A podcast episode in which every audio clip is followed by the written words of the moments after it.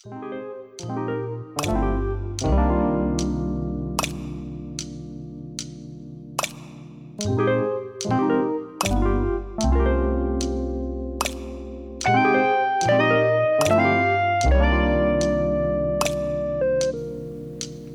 Leila, da li ti se ikada desilo da razgovaraš sa nekim ili imaš um, diskusiju ili se čak posvađaš um, i onda najpametnije stvari koje si htio reći ti padnu na pamet pet dana kasnije.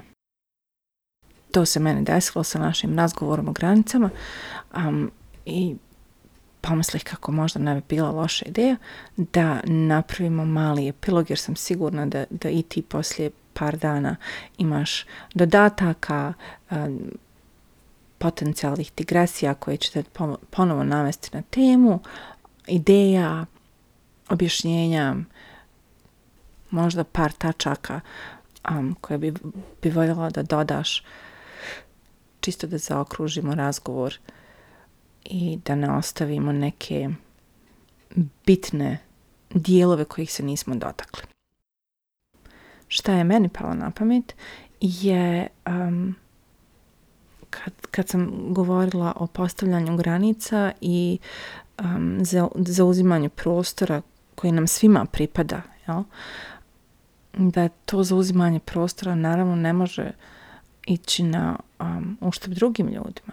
Da ne može moj prostor um, agresivno zalaziti u, u prostor drugih ljudi, odnosno da um, moje granice ne smiju prijeći tuđe.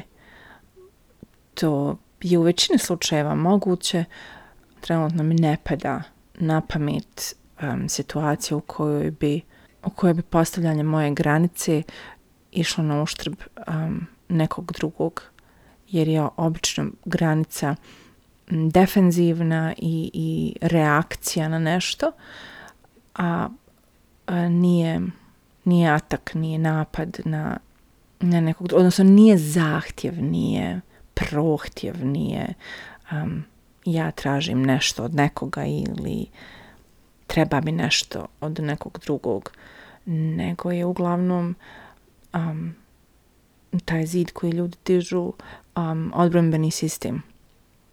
Isto tako kad um, sam pričala o verbaliziranju potreba, htjela bih da dodam kako um, isto tako očekujemo od drugih ljudi da verbaliziraju svoje potrebe, um, jer ja ne želim da drugi ljudi razmišljaju o mojim potrebama, o tome šta, šta bi možda meni u datom trenutku trebalo, um, jer je to čisto gubljenje vremena, možda čak nekad ne moraš ni pogoditi, odnosno ako specijalno ako osobu ne znaš dovoljno dobro, um, svi smo različiti, svi imamo drugačije stavove i viđenja, um, tako da ne, ne bi došlo do nekih razočarenja i neispunjenih očekivanja, ja barem sam napravila naviku sebi da um, ako mi zaista nešto treba, odnosno ako bih voljela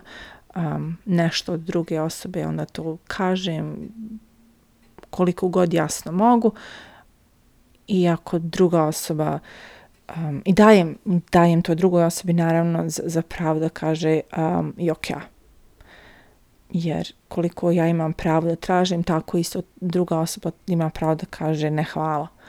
Um, ali isto tako očekujem od, od drugi, drugih da verbaliziraju svoje potrebe i, i porive um, i, on, i očekivanja od mene, um, jer ja mogu sjediti ovdje nagađa tri sata šta tebi treba um, i gubiti vrijeme i na kraju doći do nekog rješenja koje, odnosno do, do, do ideje koja nema veze s tobom, niti sa onim što, um, što ti zaista želiš, a ovako zauzimajući svoj prostor i verbaliziranjem um, svojih želja um, ja ne moram da razmišljam mogu ti pružiti ako sam u stanju ono što ti zaista treba. Um, cijeli proces je mnogo efikasniji uh, i puno više zadovoljavajući za, za nas obje, odnosno obostrano zadovoljavajući, um, ima mnogo manje uh, razočaranih očekivanja, um, sve dok naravno jedna drugoj dozvoljavamo opciju negativnog odgovora, odnosno opciju da kažem izvini ja ne mogu ili nisam za ili ne znam ili nemam resurs ili jednostavno neću. Um, uz svo dužno poštovanje a, tu isto tako treba da bude ok. Mislim da bi svako od nas trebao biti krojač svoje sreće i um, ne očekivati od drugih da budu spasioci, odnosno spasitelji, odnosno um, da, da nama sreća dolazi izvana. Um, jer prvo, prvo to je jako velik um, teret koji, koji se stavi na, na drugu osobu. Rijetko se vrlo može ispuniti. A da ne govorim da je u suštini sebičan poriv koji, jer onda ako um, ja nisam sretna, a od tebe očekujem da me učiniš sretnom, onda si ti taj koji je um, nesposoban, odnosno taj koji je propustio da uradi, napravi. Um, za, zašto? Zašto dovoditi sebi i drugi u takvu situaciju?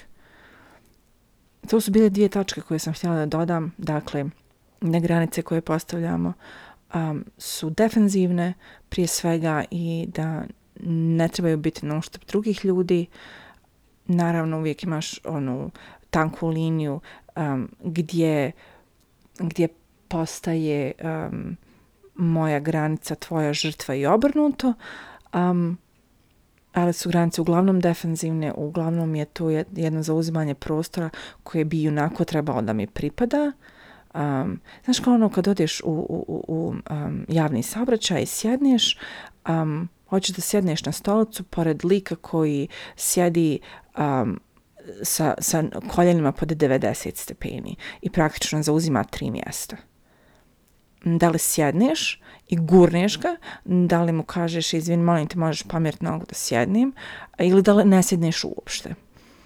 To je, to je princip o kojem ja u ovom, u ovom našem podcastu govorim, granica, znači ne neka, um, ne, ne, širenje na uštrb drugih, nego jednostavno zauzimanje tog sjedišta u, u autobusu, trolejbusu, tramvaju koji bi ti trebao pripasti, jel? Ako je a, mjesto guzi na tom sjedištu, onda tvoja koljera nemaju šta da radi na, na mjesto lijevo i desno od tebe. Skupi se, brate, ali isto tako ne dozvoli da ti drugi uđu u tvoj um, u tvoj prostor i, i da te guraju i da te potisnu, odnosno da te natjeraju da uopšte ne sjedneš, jer su se on raširili preko, preko tri mjesta. Mm, to je bila tačka 1. Probala sam je sažeti, opet sam otišla u filozofiju.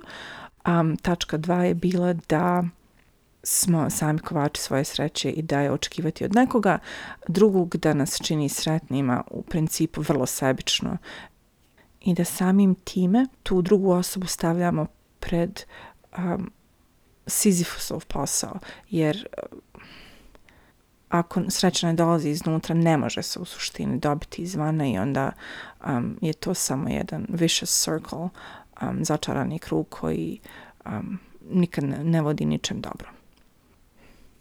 Znam sigurno da i, i ti imaš par tačaka koje bih htjela dodati, um, pa preuzmi. Vidi me, a nakon uh, što sam te saslušala, shvatila sam da se tu nema baš uh, više šta dodati. Lijepo si nas nekako zaokružila.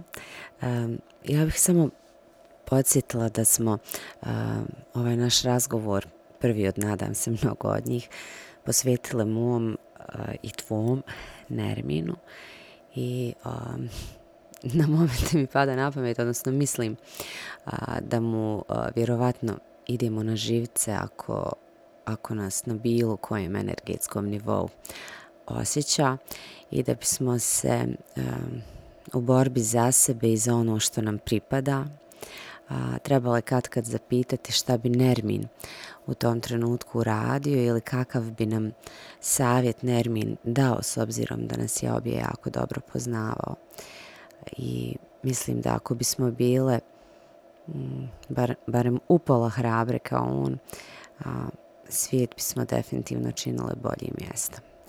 A, vjerujem a, da svi imamo u svojoj blizini nekog takvog ko nam može e, biti inspiracija i motivacija. A ko zna, možda i nas dvije, nekoga na nešto dobro potaknemo ovim. To je to. Laku noć, ljudi.